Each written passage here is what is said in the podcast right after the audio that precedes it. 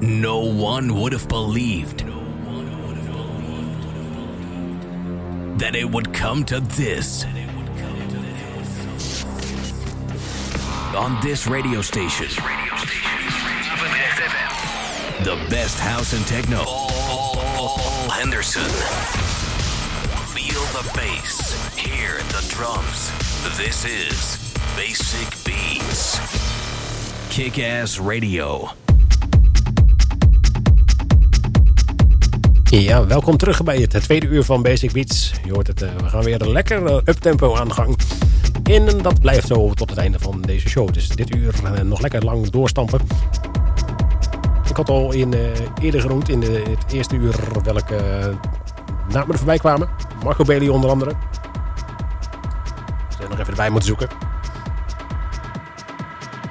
In ieder geval genoeg grote namen. En betekent ook goede muziek zoals elke week. En uh, ik kreeg net de opmerking, uh, waarom hoor ik vlak voor het nieuws alsnog een uh, overgang erin komen? Ik denk, nou dat is heel goed gehoord.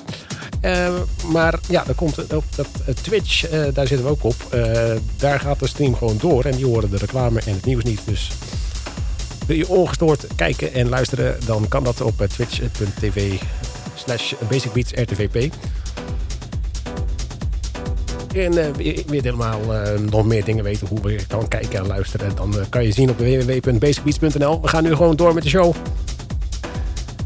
Let's Rave Again. Het nummer is van The Filter